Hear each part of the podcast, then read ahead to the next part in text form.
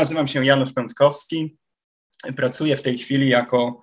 jako naukowiec na MIT w zakładzie badań o Ziemi, atmosferze, czy czym tam jeszcze,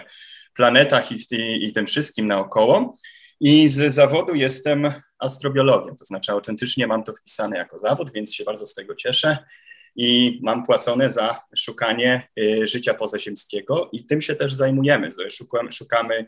zajmujemy się szukaniem życia pozaziemskiego, oczywiście na razie w miarę teoretycznie, ale również,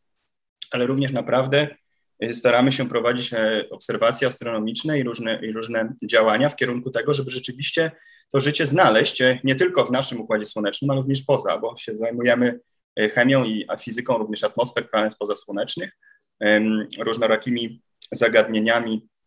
związanymi z teoretyczną biochemią również, no i oczywiście z poszukiwaniem życia pozaziemskiego również w naszym Układzie Słonecznym. I ostatnio e, takim flagowym okrętem jednych z naszych działań jest właśnie badanie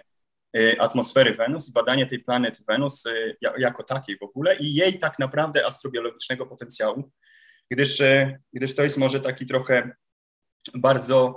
hipotetyczny, hipotetyczny temat, ale niemniej ja mam nadzieję, że, że, ta, nasza, że ta planeta, nasza siostrzana, ta Wenus, jednak odnajdzie swój jakiś tam, y, jakiś tam swoją pozycję w tym całym astrobiologicznym świadku naszego Układu Słonecznego, gdyż y, jak się będę starał dzisiaj Was przekonać, y, to, co się dzieje w atmosferze Wenus i jest niezwykle ciekawe i tak naprawdę wychodzi, no, wymyka się takiemu jakiemuś naszemu zrozumieniu, przynajmniej na razie. Rok temu, właściwie praktycznie rok, można powiedzieć prawie rok temu, udało nam się odkryć gaz, którego nie powinno w ogóle być w atmosferze Wenus, a mianowicie tą tak zwaną fosfinę. To niesamowicie, to niesamowicie rozgrzało światek naukowy na całym świecie. Jest to niesamowicie kontrowersyjne odkrycie, wszyscy się kłócą ze wszystkimi o wszystko. No, my, my również w samym środku tego mamy batalie wszelkiego rodzaju.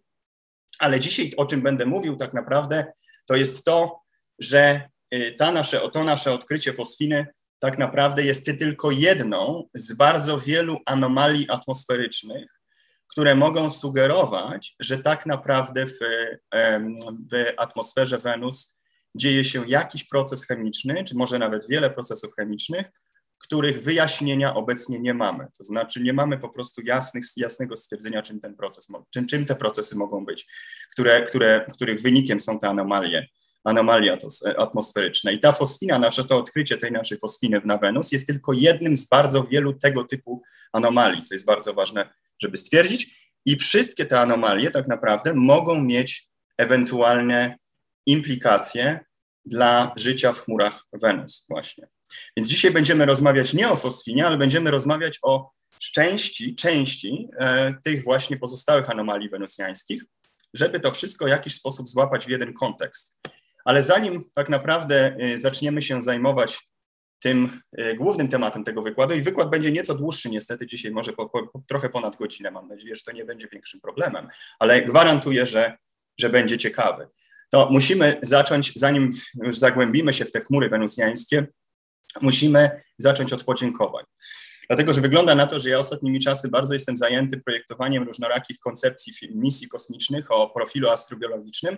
i nie mam za dużo czasu, żeby tak naprawdę być liderem y, tak naprawdę prawdziwych, prawdziwych w cudzysłowie, działań, y, y, działań no, takich naukowych. Więc tutaj w tym przypadku prezentuję właściwie pracę, która była, której głównym, głównym autorem i, i liderem jest mm, Paul Rimmer, dr Paul Rimmer z, e, z Uniwersytetu w Cambridge. Dr Paul Rimmer jest, jest właściwie, można powiedzieć, no, światowej sławy, światowej klasy fotochemikiem. Jest to człowiek, który się zajmuje przede wszystkim modelowaniem atmosfer, chemii atmosfer, e, planet pozasłonecznych czy planet w naszym Układzie Słonecznym, ogólnie rzecz biorąc, tego, jakie, jakie, jakie związki chemiczne, jakie różne gazy, jakie różne jak ta atmosfera pod względem chemicznym może wyglądać. I oczywiście również e, ten projekt jest e, jednym z, jednym z głównych liderów tego projektu, również jest dr William Baines, mój długoletni przyjaciel i współpracownik, z którym właściwie robimy większość, e, większość rzeczy razem i większość projektów razem, różnorakich, wszystko od różnego drag designu po, po tak naprawdę również szukanie życia pozaziemskiego. No i oczywiście nie, żadnego projektu naszego, którego, który robimy, nie byłoby bez wsparcia profesor Sary Ziger, której, której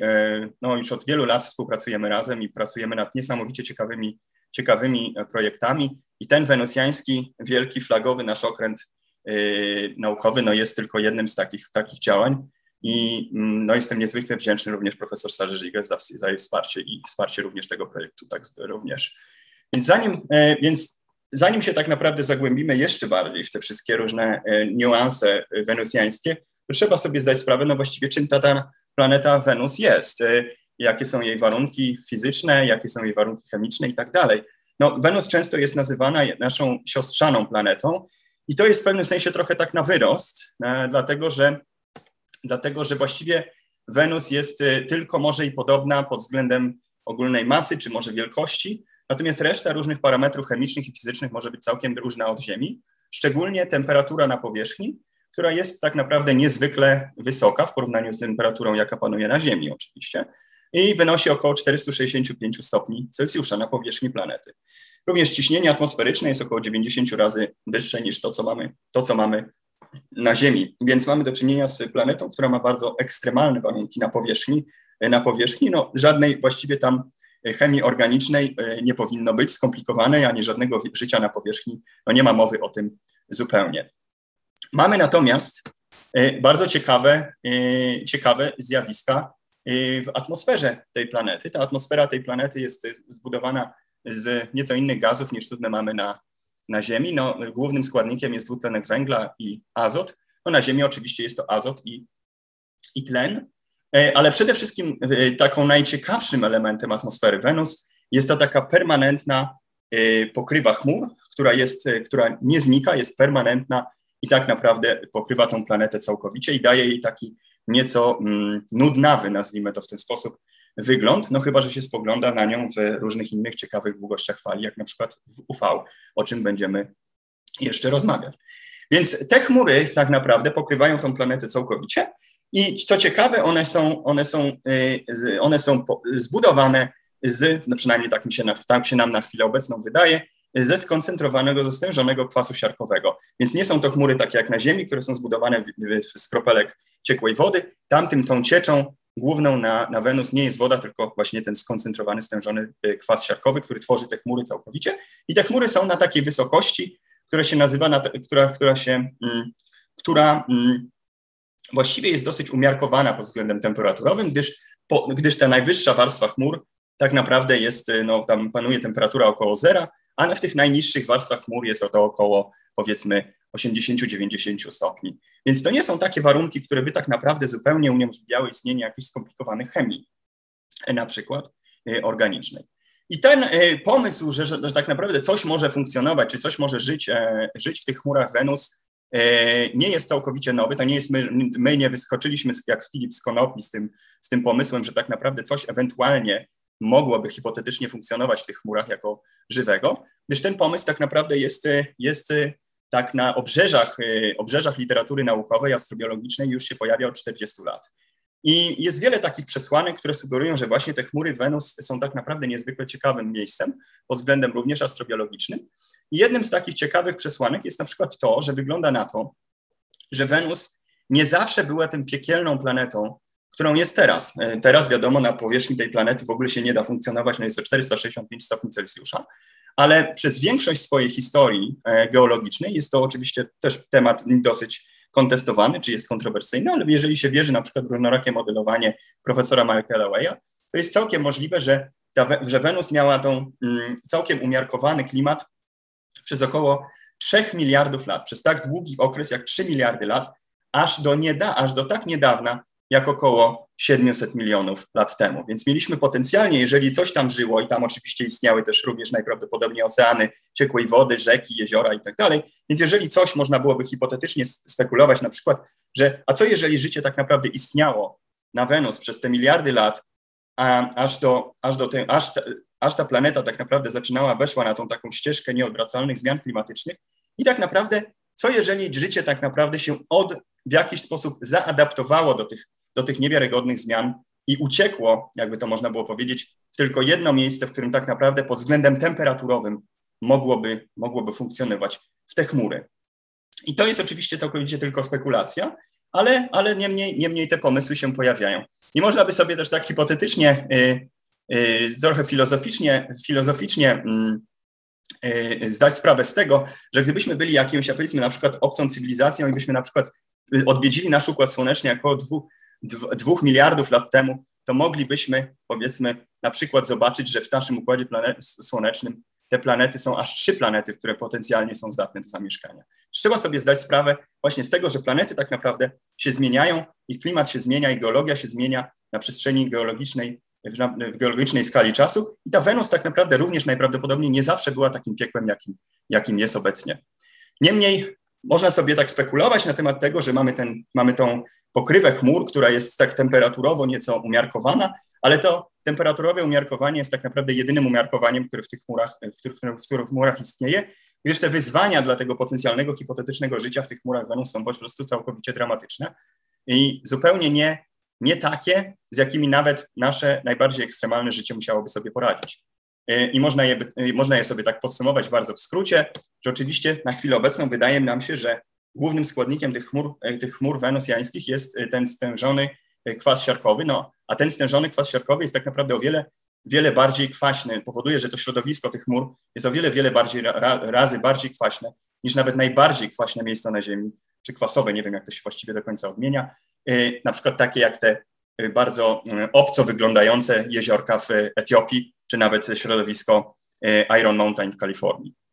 Mamy również do czynienia z być może bardzo dużymi wymaganiami energetycznymi. Ta biosfera, która by tam musiała funkcjonować w tych chmurach, musi, musi tak naprawdę funkcjonować w, tylko i wyłącznie tam, więc być może, że tam dostęp do jakichś źródeł energii nie jest taki wcale łatwy, ale to nie jest do końca być może taki wielki problem, gdyż mamy do czynienia również z oczywistym rozwiązaniem ewolucyjnym, jakim jest fotosynteza i to może być może nawet w różnych, w różnych warunkach, w różnych jej wariantach, więc to może nie być do końca taki wielki problem dla życia.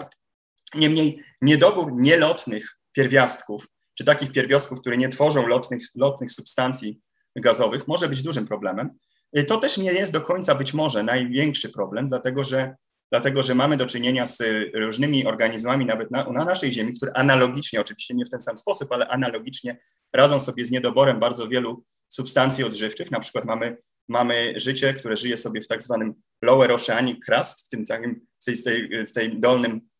oceanicznej skorupie ziemskiej, która tak naprawdę jest bardzo uboga w różnorakie składniki odżywcze, jednak życie tak naprawdę zaadaptowało się do tego środowiska bardzo dobrze poprzez różne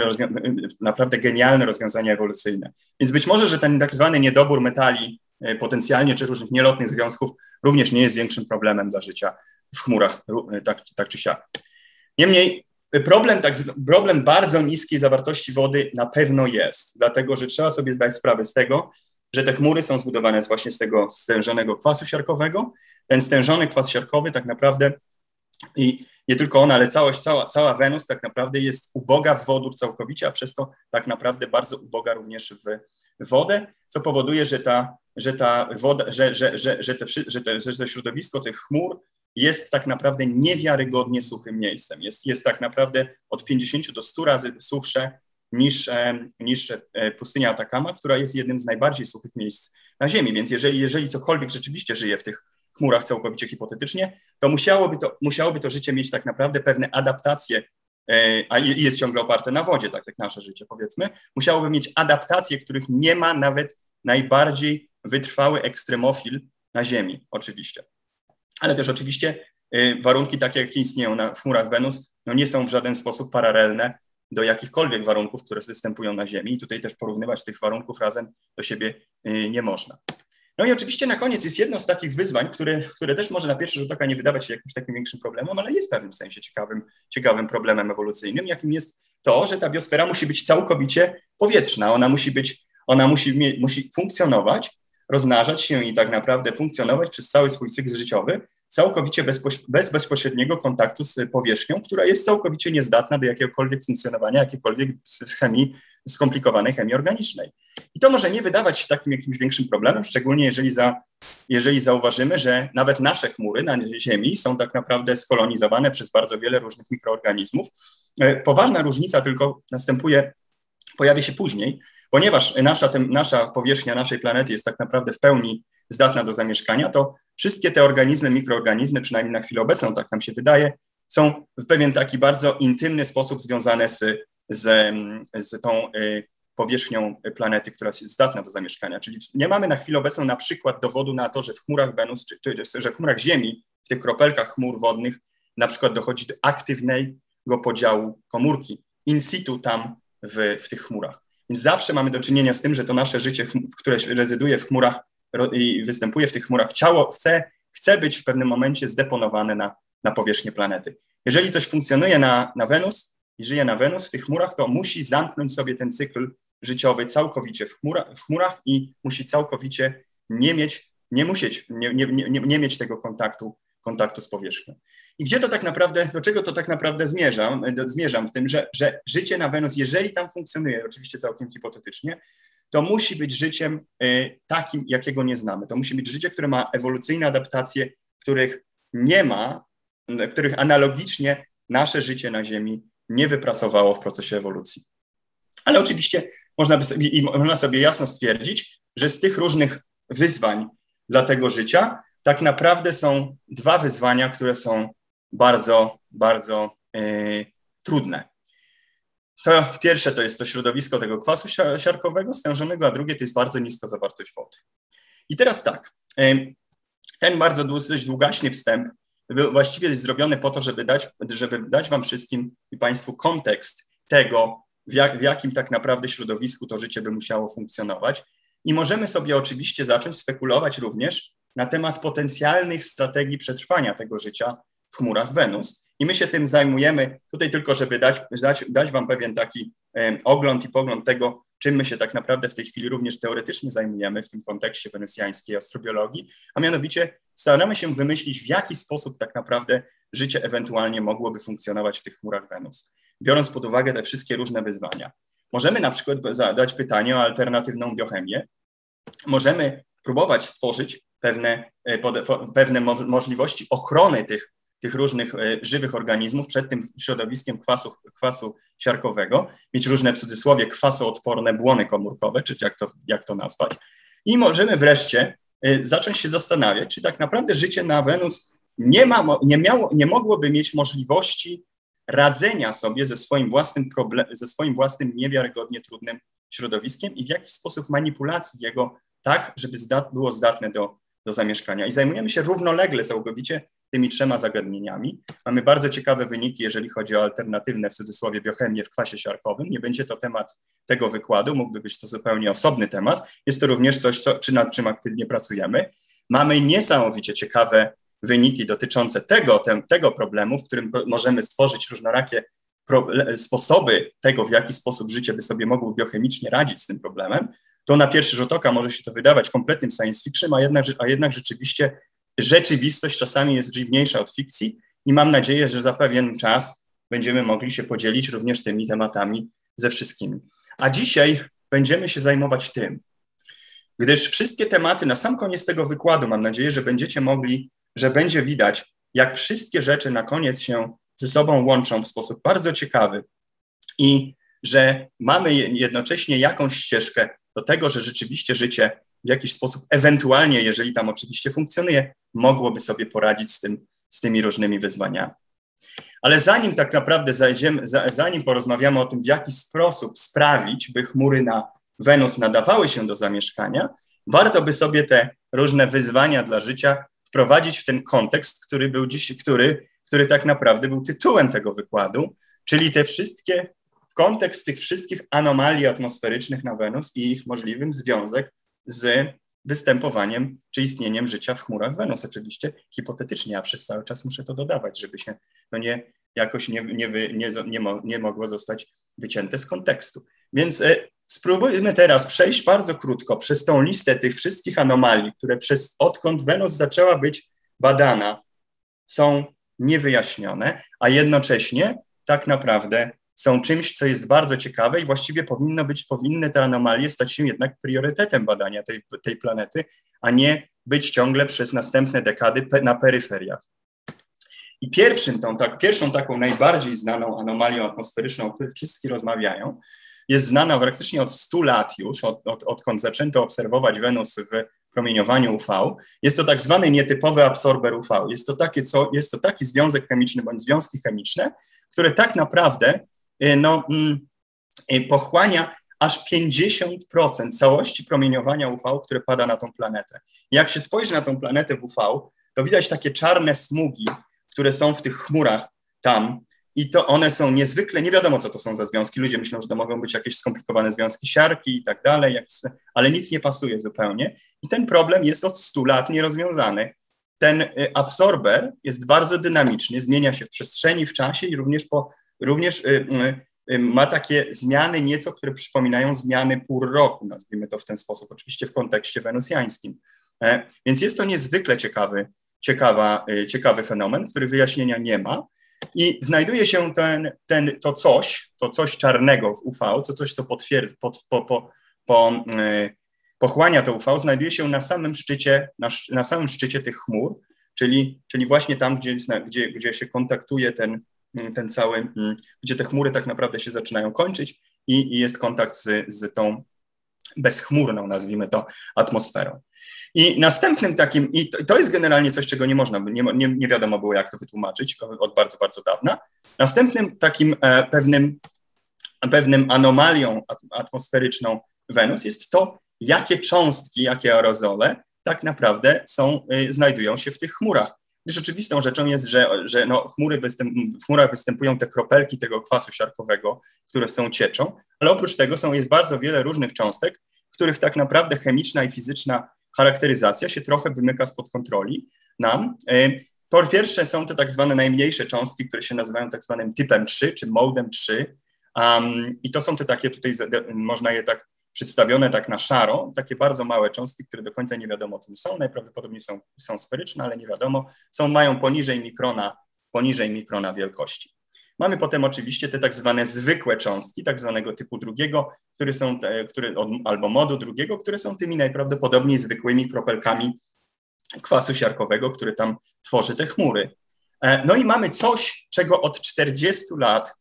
nie można wyjaśnić i nie wiadomo, co to jest, a mianowicie tak zwane e, niesferyczne krople, które są w tej dolnej warstwie chmur. To zostało zmierzone zarówno przez Wenerę, jak i Pioniera 13. Jak próbniki Wenery i Pioniera 13 przechodziły przez te chmury, to mierzyły właśnie wielkość i kształt różnych kropelek i tych cząstek i miały taki anomalny pomiar, anomalny nie dlatego, że był błędny, ale anomalny dlatego, że to właśnie dawał, dawał, dał wynik takich niesferycznych niesferycznych kropli w dolnej warstwie chmur. I nikt tego nie mógł do końca wyjaśnić. I od 40 lat ludzie się kłócą, co to może być. Jedni ludzie uważają, że to może był błąd pomiaru, drudzy ludzie uważają, że może to, jest, to są jakieś kryształki soli, nie wiadomo czego, a może to w ogóle nie wiadomo, co to jest, a może to nawet są jakieś aerozole e, biologiczne. Ludzie również spekulowali od, od, od, od dekad. I bardzo ważną rzeczą jest to, że nie tylko te fizyczne aspekty tych chmur są są e, anomalne, ale również te, te chemiczne e, aspekty. Gdyż okazuje się, że, że przynajmniej,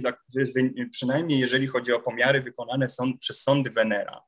jest, jest, jest tak naprawdę relatywnie bardzo duża ilość tych różnych nielotnych pierwiastków w tych chmurach, co jest bardzo tak naprawdę zaskakujące, gdyż na przykład no, sondy Venera wykryły bardzo duże ilości żelaza tych chmurach, w tych, w tych właśnie aerozolach, w tych różnych cząstkach i duże ilości fosforu. To są związki, to są pierwiastki, które tak naprawdę nie tworzą zbyt wielu lotnych substancji, więc mogą tak naprawdę, to albo świadczy o tym, że ten kontakt pomiędzy tą pokrywą, permanentną pokrywą chmur, a powierzchnią planety jest bardzo tak naprawdę łatwy i częsty i zachodzi bardzo, bardzo, y, no tak y, naprawdę y, efektywnie, no albo to są w ogóle jakieś niewiarygodne anomalie, których tak naprawdę trudno nam też na chwilę obecną wyjaśnić. Więc te nowoczesne misje muszą się, mam nadzieję, że się będą mogły skupić na tych, na tych również pomiarach tych, tego żelaza i fosforu również. Ale nie tylko te nielotne związki tworzą te anomalie w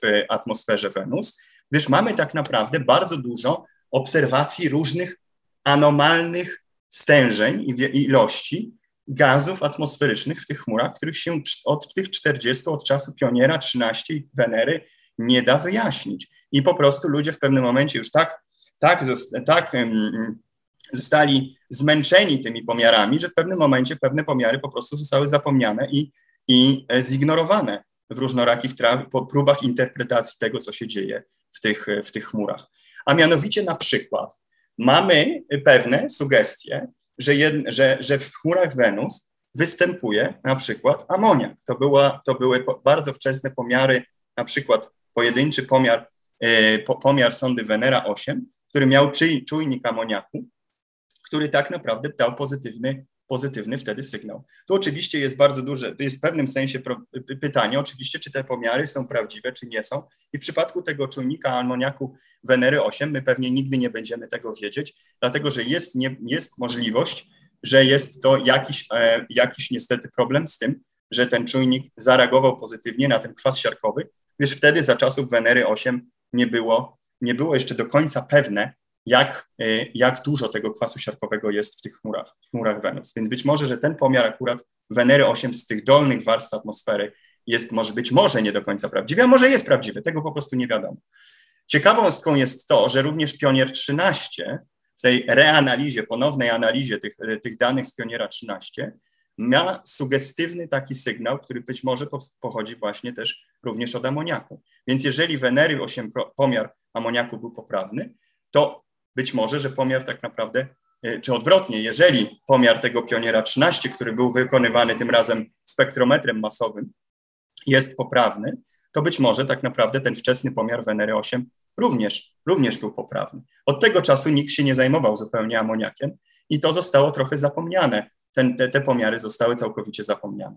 Jeszcze ciekawszym jest tak naprawdę pomiar, który był wykonany zarówno przez pioniera 13, jak i Wenerę 13 i Wenerę 14, czyli mamy do czynienia z trzema różnymi statkami kosmicznymi, próbnikami, które zanurkowały w atmosferę Wenus i wykryły tlen molekularny O2 w stężeniu, który był, na, który był rzędu kilkudziesięciu części na milion, a to jest naprawdę dużo. To nie jest oczywiście tak dużo, jak my mamy w, naszym, w naszej atmosferze, ale jest to naprawdę duża, duża ilość y, tego tlenu. I do dzisiaj tych pomiarów, i, i, też pytanie oczywiście w przypadku każdych tego typu planetarnych pomiarów jest zawsze pytanie, czy to jest tak naprawdę pomiar prawdziwy, czy nie. W przypadku tego pomiaru tlenu nie mamy sugestii, nie mamy powodu sądzić, że tego typu pomiary były, były zrobione błędne, by, były w jakiś sposób błędne. I były one zarówno, zarówno y, wynikiem pomiarów sąd amerykańskich, jak i wynikiem pomiarów sąd rosyjskich, y, które miały też różne sprzęty na pokładzie. Jednakże dały, co ciekawe, y, nie tylko ten sam wynik, ale również wynik w tej samych ilościach, co jest bardzo ciekawe również. Więc mamy ten anomalny tlen, który do dzisiaj po 40 latach jest niewyjaśniony i tak naprawdę jest Y, jest ignorowany kompletnie przez, y, przez ludzi zajmujących się atmosferą Wenus całkowicie. Tutaj mamy jeszcze taką anomalię, która, która być może na pierwszy rzut oka nie wydaje się żadną anomalią, gdyż jest to tylko dwutlenek siarki, ale anomalia nie jest w tym, czym ten gaz jest, ale w tym, ile go jest. Dlatego, że jest to pewna anomalia, która wynika stąd, że mamy do czynienia z bardzo dziwnym profilem ilości tego, tego, tego gazu dwutlenku siarki, w atmosferze Wenus, jaka, jakie tak naprawdę nam obserwacje tej atmosfery sugerują, gdyż mamy bardzo dużo tego, czy relatywnie dużo tego, tego gazu dwutlenku siarki w atmosferze Wenus poniżej chmur, a potem nagle jakby tak nożem uciął w momencie, w momencie, w momencie kiedy wchodzimy w tą, w tą pokrywę chmur, ten, to stężenie tego dwutlenku, dwutlenku siarki spada tak niesamowicie. I ten taki dramatyczny spadek tego dwutlenku siarki jest niewyjaśniony od 40 lat y, y, y, w ogóle całkowicie przez żadne nowe modele i interpretacje chemii atmosfery Wenus. Więc, więc, więc również nie chodzi tylko o to, tak naprawdę, jakie gazy mamy do czynienia, z jakimi gazami mamy do czynienia w atmosferze, ale również jak dużo. Mamy również bardzo ciekawe anomalne pomiary wody, gdyż można, się, można sobie wyobrazić, że Wenus, tak jak powiedziałem, jest globalnie bardzo sucha, ale mamy wielokrotne pomiary in situ przez próbniki, które tak naprawdę zmierzyły anomalne pomiary wody, które były naprawdę o wiele wyżej niż, niż, um, niż jakiekolwiek te takie, nazwijmy to, globalne pomiary, pomiary tej wody. Więc być może nawet ta woda nie jest, nie jest tak naprawdę tak y, wszędzie Y, takim czynnikiem, czynnikiem takim rzadkim rzadkim zjawiskiem, a jednak być może jest tam, jest tam trochę więcej jej. I mamy również ciekawe różne inne gazy, takie jak na przykład siarkowodór, który jest taki może mniej, mniej popularny, jeżeli chodzi o te anomalie, niemniej, niemniej też również pojawia się w zarówno chmurach, jak i, jak i poniżej. No i oczywiście te wszystkie rzeczy były znane już od 40 lat i tak naprawdę nikt się nie zajął tym, żeby je w jakiś sposób wyjaśniać. Mamy do czynienia, ostatnio dopiero tylko ludzie zaczęli patrzeć na te wszystkie pomiary tych starych sąd i analizować te dane ponownie i interpretować, reinterpretować te dane zupełnie od nowa, zupełnie na nowo po tych 40 latach w jakimś nowym tym spojrzeniem naszym, jakie możemy mieć teraz. I na przykład ostatnia reanaliza danych z Pioniera 13, sondy amerykańskiej Pioniera 13 z tego mas spektrometru gazów neutralnych, mas spektrometru gazów neutralnych, dała na przykład te sugestie nie tylko potencjalnie amoniaku, ale również oczywiście tutaj azot atmosferyczny nie jest jakąś anomalią, ale to w kontekście tego, tych innych związków azotu być może jest, dlatego że mamy do czynienia do sytuacji takiej, że razem z tym amoniakiem mamy również różne, y, różne utlenione związki azotu, które tak naprawdę razem właściwie mogą się fantastycznie, oczywiście hipotetycznie, ułożyć w cykl azotu, na, który mamy na przykład na Ziemi, czy analogiczny do tego, jaki mamy na Ziemi.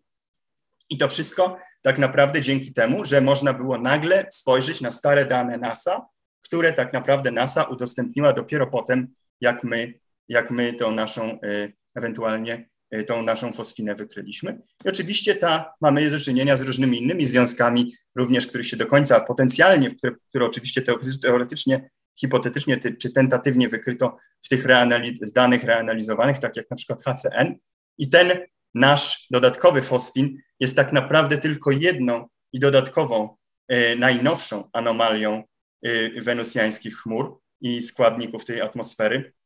a nie tą, a nie jedyną taką, taką dziwną substancją, która zupełnie nie pasuje, nie pasuje w, do, w tych chmurach. Mamy również takie, i tym, tą fosfiną, co prawda, i na przykład potencjalnymi, e, wykry, potencjalnym wykryciem węglowodorów również w tej przez Pioniera 13 nie będziemy się dzisiaj zajmować,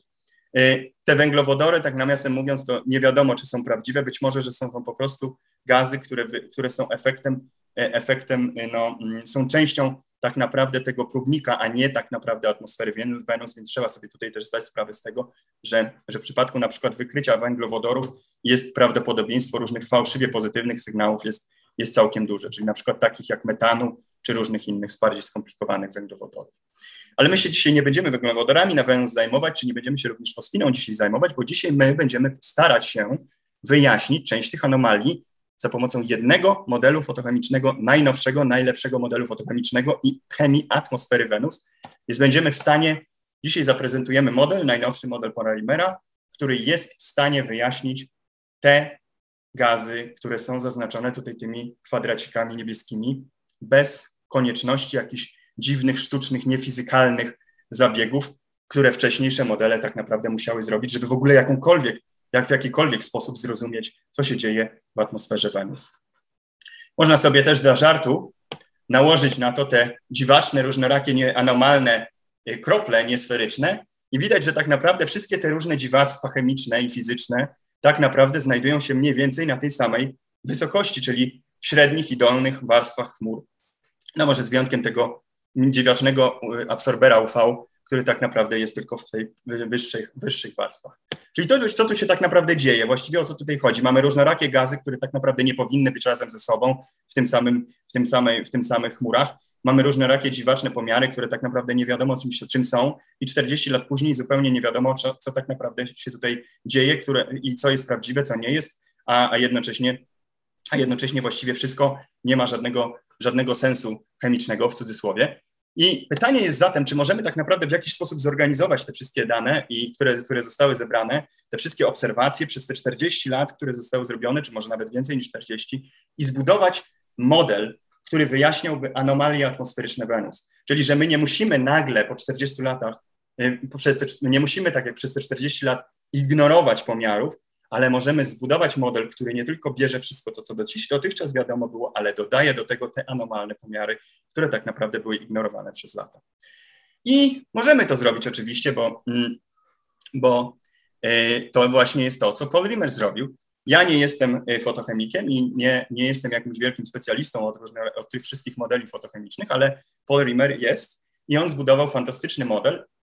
który zawiera i w sobie różne fotochemie, i w sobie i, i różne procesy termochemiczne, i różne, różne inne, inne procesy fizyczne i chemiczne atmosfery, jak dyfuz, dyfuzję i, i wszystko, co się tam tylko da, da wrzucić. I Paul Rimmer sobie usiadł w pewnym momencie i pomyślał tak, skoro jest taką jedną z głównych anomalii y, atmosfery, którą ludzie by chcieli wyjaśnić, a nie mogą, jest ten dziwny profil e, dwutlenku siarki. Jest właśnie to, że jest ta, jest ta zagadka tego niskiego poziomu dwutlenku siarki w warstwie chmur, którego jest więcej poniżej chmur, jest to dużo poniżej chmur, a nagle potem spada, jak, jakby, go, jakby go tak uciąć nagle zupełnie bez, bez powodu. I to jest taki ten w tym środowisku tych badaczy fotochemii czy fotochemików e, tych atmosfer, to jest ten, ten znacznie niższy poziom tego dwutlenku siarki w chmurach, e, niż można byłoby sobie się spodziewać po tej znanej chemii atmosferycznej, jest taką zagadką, którą tak naprawdę wszyscy, wszyscy próbowali roz, roz, rozwiązać, ale nie mogli rozwiązać i ostatecznie zignorowali. Znaczy, ostatecznie to tylko wszyscy cytują, że ten problem istnieje, ale my go na chwilę obecną pomijamy, dlatego że się go nie wiadomo do końca, jak rozwiązać.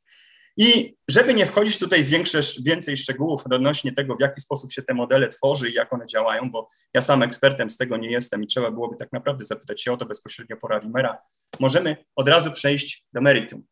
Dlatego, że, dlatego, że yy, tak naprawdę tematem tego wykładu nie jest to, w jaki sposób coś jest, ten, ten model został, Paula Rimera został zrobiony, ale jego implikacje, wyniki i implikacje dla tego, czym tak naprawdę te chmury na Wenus są.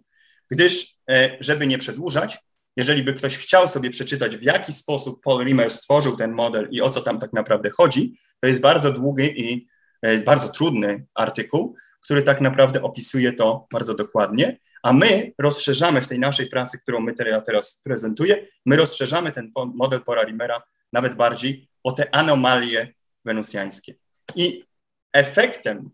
wynikiem tego modelu Paula Rimmera E, jest to, to Paul Rimmer umożliwił wyjaśnienie tego 40-letniego problemu ubytku dwutlenku siarki w chmurach Wenus poprzez mechanizm, te, poprzez dodanie do modelu fotochemicznego również chemii kropli chmur. Co on tak naprawdę zrobił, to to, że, za, że, że pomyślał sobie, a co jeżeli na przykład pH, czy, czy w tych chmur, kropelkach chmur Wenus istnieje jakaś zasada, jakiś związek chemiczny, który tak naprawdę neutralizuje ten kwas i wtedy ten dwutlenek siarki tak naprawdę mógłby wchodzić w reakcję w tych kropelkach mógłby być ostatecznie tam za, w, złapany w taką pułapkę w formie, w formie siarczanów i znikać od razu w tych chmurach, dać ten profil obserwacji dwutlenku siarki, jaki widzimy e, w naszych obserwacjach. I to efektywnie daje następujący wynik, że jeżeli się założy, że jest, jest rzeczywiście jakiś związek, który neutralizuje ten kwas siarkowy, przynajmniej w części kropli chmur, do pH o poziomie 1, a trzeba sobie zdać sprawę, że pH kropli kwasu siarkowego stężonego właściwie nie ma sensu i należałoby użyć skali Hameta, które to jest minus 11,5, ale na potrzeby tego, tego wykładu załóżmy, że to jest pH minus 11,5, to tak naprawdę, jeżeli coś jest pH 1, to to jest tak naprawdę o wiele, o wiele mniej kwaśne środowisko, niż tak naprawdę wcześniej byśmy sobie to, byśmy, się, byśmy sądzili, jeżeli byśmy założyli, że chmury Wenus są tak naprawdę złożone z, ze stężonego kwasu siarkowego. Gdyż jeżeli istnieje w tych chmurach jakiś związek chemiczny, który neutralizuje ten, ten kwas, to również on może być odpowiedzialny za ten dziwaczny profil tego dwutlenku siarki. Teraz jak Paul Rimmer doszedł do tych, do tych, do tych konkluzji, to mogą, możecie sobie przeczytać właśnie w tym bardzo jego skomplikowanym modelu, który stworzył. Niemniej pytaniem oczywistym jest, co neutralizuje ten kwas siarkowy w tych chmurach, który prowadzi do tego, że można wyjaśnić ten skomplikowany profil dwutlenku siarki nagle. No i pytań, możliwym, możliwym jest, że to mogą być różnorakie minerały z powierzchni, tak? oczywiście na przykład, na przykład dostarczane z, ruchom, z ruchem atmosfery, tudzież wulkanicznie. Ale my mamy również trochę inny pomysł. A co jeżeli tym neutralizatorem, tym, tym związkiem, który neutralizuje te krople chmur, jest tak naprawdę amoniak? ten amoniak był w końcu tak naprawdę potencjalnie wykryty zarówno przez Wenerę 8, być może tutaj błędnie, ale nie wiadomo, do dzisiaj nie będzie tego nie wiadomo, zanim się, zanim się nie wyśle do sondy dodatkowej na Wenus nowej, ale również w tej, w tej niedawnej reanalizie związku z tych wyników z Pioniera 13 amerykańskiej sondy. Więc co jeżeli na przykład ten amoniak jest tym, tym y, neutralizatorem tego kwasu? I to jest w tym o tyle atrakcyjna wizja, że ten amoniak jest wtedy tą zasadą, która nie musi być dostarczana w jakiś tam sposób z powierzchni, czy przez wulkany, czy przez ruch atmosfery, chociaż oczywiście tego typu minerały mogą mieć, mieć jakiś czynny udział w neutralizacji tych chmur, ale może być produkowany bezpośrednio właśnie w chmurach, bez konieczności jego dodatkowego transportu. I teraz to, cieka- to dodatkową, dodatkową, dodatkowym w pewnym sensie można powiedzieć takim mm, elegancją tego nowego modelu Polarimera jest to, że dodanie amoniaku do tego modelu Polarimera wyjaśnia nam automatycznie wszystkie inne te pomiary sprzed 40 lat, które zostały zignorowane. Czyli mamy dokładnie taki profil wody, jaki byśmy chcieli, jaki widzimy z obserwacji. Mamy, po, mamy również, przewidujemy tlen, przewidujemy siarkowodór i przewidujemy dokładnie ten sam profil dwutlenku siarki jak wcześniej. Co ciekawe, ciekawostką jest to, że ten tlen, którego się nie dało wyjaśnić w chmurach Wenus, może być tak naprawdę właśnie, zgodnie z tą naszą hipotezą, naturalną konsekwencją produkcji amoniaku. I ja tutaj nie muszę dodawać, chociaż można to dodać hipotetycznie, ten amoniak nie ma zbyt wielu do, do procesów, chemicznych czy fizycznych w atmosferze Wenus, czy w ogóle na Wenus, które by produkowały wystarczającą dużą ilość amoniaku, żeby, która mogłaby być odpowiedzialna za neutralizację tych kropli i dawać te same, te same modele, te same, te, te same dopasowanie do modelu. Konsekwencją produkcji biologicznej amoniaku może być również efekt występowania tego tlenu w atmosferze Wenus właśnie w tych chmurach, w tym pokrywie chmur, których się nie da, którego się nie da wyjaśnić. Co ciekawe, ja tutaj muszę dać cytat z tej książki o nazwie Wenus. To jest taka książka, która w latach 80., w 1983 powstała książka, która zebrała wszystkie pomiary, jakie zostały zrobione przez Wenerę i przez Pioniera. I usiedli bardzo, y, usiedli w badacze Wenus i doszli do wniosku, ok, to zostało zmierzone, co jest kanonem, a co, na co należałoby spojrzeć nieco bardziej mm, sceptycznie z tych różnych pomiarów Wenery i Pioniera. I oczywiście do tego nie, oni wtedy nie zrobili dokładnej reanalizy danych z Pioniera, którą zrobiono teraz w 2020 czy 2021, ale na tamtą chwilę w 1983 tak naprawdę na przykład zrobili taki zabieg, którego moim zdaniem w nauce nie powinno się robić, a mianowicie zignorowali obserwacje Y, przez próbniki Wenery i Pioniera,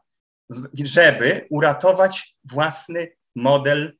chemii atmosfery Wenus. Czyli zamiast dopasowywać model do obserwacji, to dopasowali obserwacje do modelu, usuwając czy ignorując część obserwacji, jakie zostały zrobione przez próbniki w chmurach Wenus. My i nowy model Polarimera nie musi dokonywać żadnych tego typu usuwań, gdyż bierze te, te Y, pomiary i traktuje je jako możliwe czy jako potencjalnie poprawne. A jeszcze ważną rzeczą jest, że nie było powodów technicznych, żeby te pomiary tak naprawdę usunąć, czy naukowych powodów, żeby je usuwać. Dlaczego tlen może być tak naprawdę konsekwencją produkcji amoniaku? Gdyż możemy sobie wyobrazić na przykład hipotetyczny, w pewnym sensie spekulatywny proces, w którym tak naprawdę dokonujemy fiksacji azotu z atmosfery i, jako, e, żeby wyprodukować amoniak, który jest używany do tego, żeby dokonać neutralizacji kropli tego kwasu w tych kroplach Wenus i jako efekt uboczny tych reakcji, przepraszam, muszę się napić nieco herbaty, mm, produkcją tego, jako efekt uboczny tej fiksacji tego azotu i produkcji amoniaku jest produkcja jakiegoś bardzo utlenionego związku chemicznego, który oczywiście takim najprostszym y, efektem tego jest produkcja po prostu tlenu molekularnego O2, I co ciekawe, można zrobić, tu William zrobił pewne różnorakie obliczenia na ten temat, że można sobie na przykład zadać pytanie, jaki tak naprawdę jest energetyczny wydatek, który trzeba byłoby to, na, tą na tą reakcję ponieść, bo ona oczywiście potrzebuje energii, a, ale więc wychodzi na to, że najbardziej ekonomiczną reakcją jest właśnie ta reakcja fiksacji e, azotu atmosferycznego, która produkuje amoniak, a jednocześnie efektem ubocznym tej produkcji jest tlen. I nie tylko zużywa ona najmniejszą ilość wody, ale również kosztuje najmniejszą ilość energii. Więc jeżeli by się było na przykład jakimś żywym organizmem, to z ewolucyjnego punktu widzenia, jeżeli się jedynym wyjściem jest zneutralizowanie tej kropli, to się tak naprawdę bierze, przepraszam, najbardziej ekonomiczną reakcję do tego, żeby to zrobić. I nie tylko tlen oczywiście nam pasuje, możemy tutaj sobie wejść nieco dalej w te profile różnorakie i tutaj można sobie jeszcze się pochwalić, dlaczego model Polarimera nagle jest najlepszym na świecie modelem, modelem atmosfery Wenus, jaki mamy od dekad, gdyż jest to model, który tak naprawdę wyjaśnia nie tylko te nowe rzeczy, dodaje je do tego, co wiemy, ale wyjaśnia również te wszystkie inne rzeczy, o których było wiadomo przez tyle lat, a mianowicie wyjaśnia bardzo dobrze, całkiem dobrze. Oczywiście to nie chodzi o to, żeby wyjaśnić wszystko całkowicie perfekcyjnie, ale chodzi o to, żeby tak naprawdę mieć model, który jest lepszy niż to, co było w sposób, całkowicie, w sposób, w sposób bardzo znaczący, co jest dostępne. I tutaj mamy ten, ta, ta ciągła linia, to jest model Polarimera, który jak widać te, w te obserwacje i szczególnie w ten taki nagły spadek tego, tego mm, dwutlenku siarki się wpasowuje całkiem dobrze. Poprzedni model, który próbował modelować ten spadek, to jest ta linia tutaj przerywana, nie, kreskowana, która wpasowuje się w ten model tego dwutlenku siarki tylko dlatego, że ma niefizykalne założenia, jak na przykład to, że woda nie może wchodzić w reakcję z niczym, albo że tylko fragment atmosfery jest modelowany, tylko chmur, a, żaden, a żaden, żaden, żadna część atmosfery poniżej czy powyżej i tak dalej, i tak dalej. Model, który nie ma żadnych fizykalnych, y, różnych dziwnych założeń i tak dalej, nie jest w stanie tych obserwacji dwutlenku siarki w ogóle przewidzieć, bo to jest to, co my mamy w tej chwili, bez żadnych dziwnych założeń. To jest to, jak sobie zrobimy jakieś dziwne założenia, które nie mają znaczenia, które nie mają fizycznego, fizycznych podstaw, a to jest model Polarimera, który tak naprawdę nie musi mieć żadnych tego typu dziwnych rzeczy. I co ciekawe, również jeżeli chodzi o wodę, my też sobie radzimy z tym modelem Polarimera całkiem dobrze, szczególnie jeżeli chodzi o pomiary wody w górnych warstwach atmosfery, co też było problemem dla pozostałych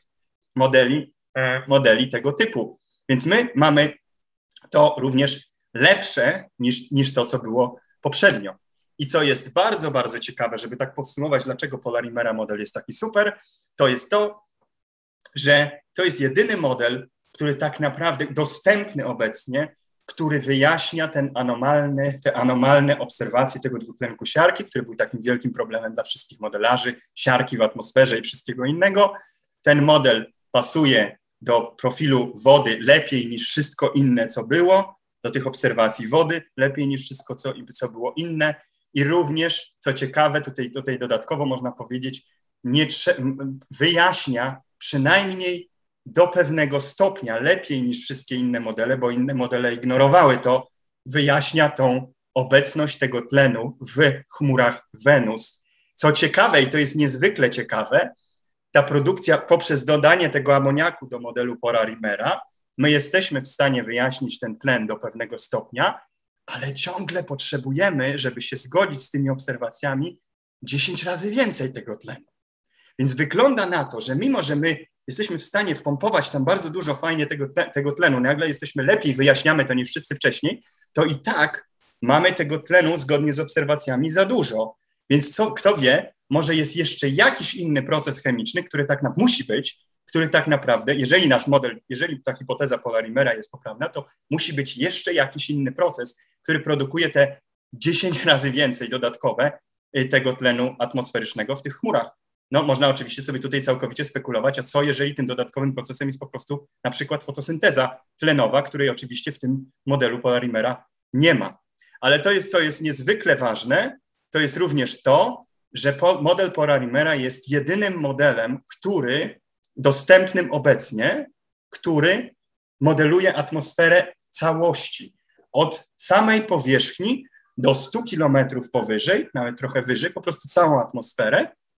i który nie potrzebuje żadnych sztucznych, niefizykalnych założeń, żeby się dopasować do obserwacji. U nas się te dopasowania dzieją całkowicie organicznie i naturalnie, bez żadnych dodatkowych założeń niefizykalnych, po to, żeby się, żebyśmy coś dopasowali do, do tych pomiarów. I można by sobie dodać jeszcze,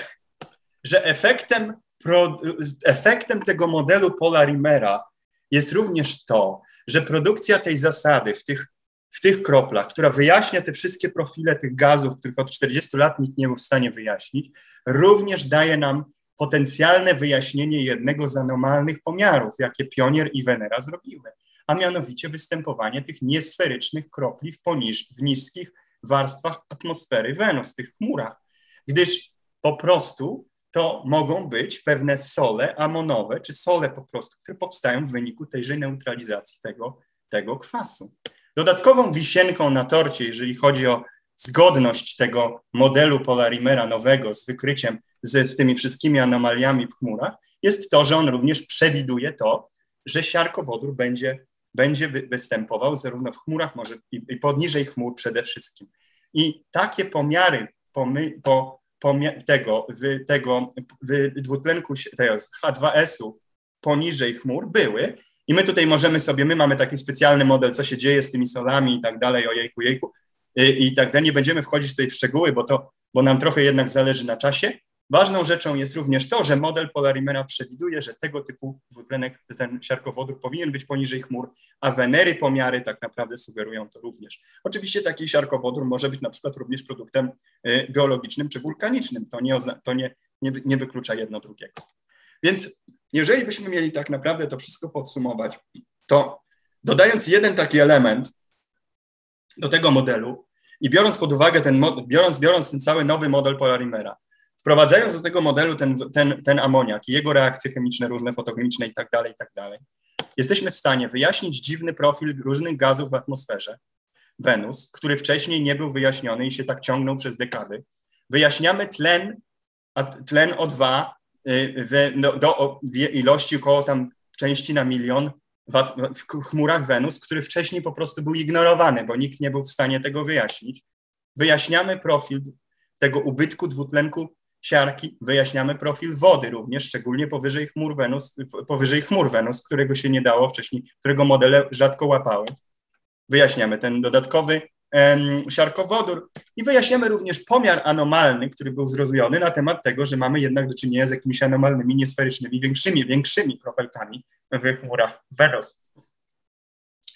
Jakie to ma implikacje? No to świetnie, fajnie, mamy najlepszy, najlepszy model, wreszcie możemy robić normalnie sprawy naukowe, czyli dopasowywać model do obserwacji, a nie obserwacji do modelu. To zawsze jest dobre, jeżeli się, się robi naukowe, naukowe różne działania, ale to ma niewiarygodne implikacje do tego, jak zdatne do zamieszkania tak naprawdę chmury Wenus są, gdyż tutaj są te wyzwania, od których zaczęliśmy nasz wykład. Tym wyzwania są te dwa wyzwania, których się tak są naprawdę ciężkie dla życia. I jedno to jest to środowisko stężonego kwasu siarkowego. Ale jeżeli Poralimera model na, jest poprawny, to życie tak naprawdę może sobie samo to środowisko dopasować. I, to, I ten stężony kwas siarkowy poprzez produkcję tego amoniaku i tak dalej, i tak dalej, jego neutralizację tych kropli, jeżeli ten model Poralimera jest poprawny, po prostu jest iluzją. Jest iluzją, iluzją, jeżeli chodzi o wyzwanie dla życia.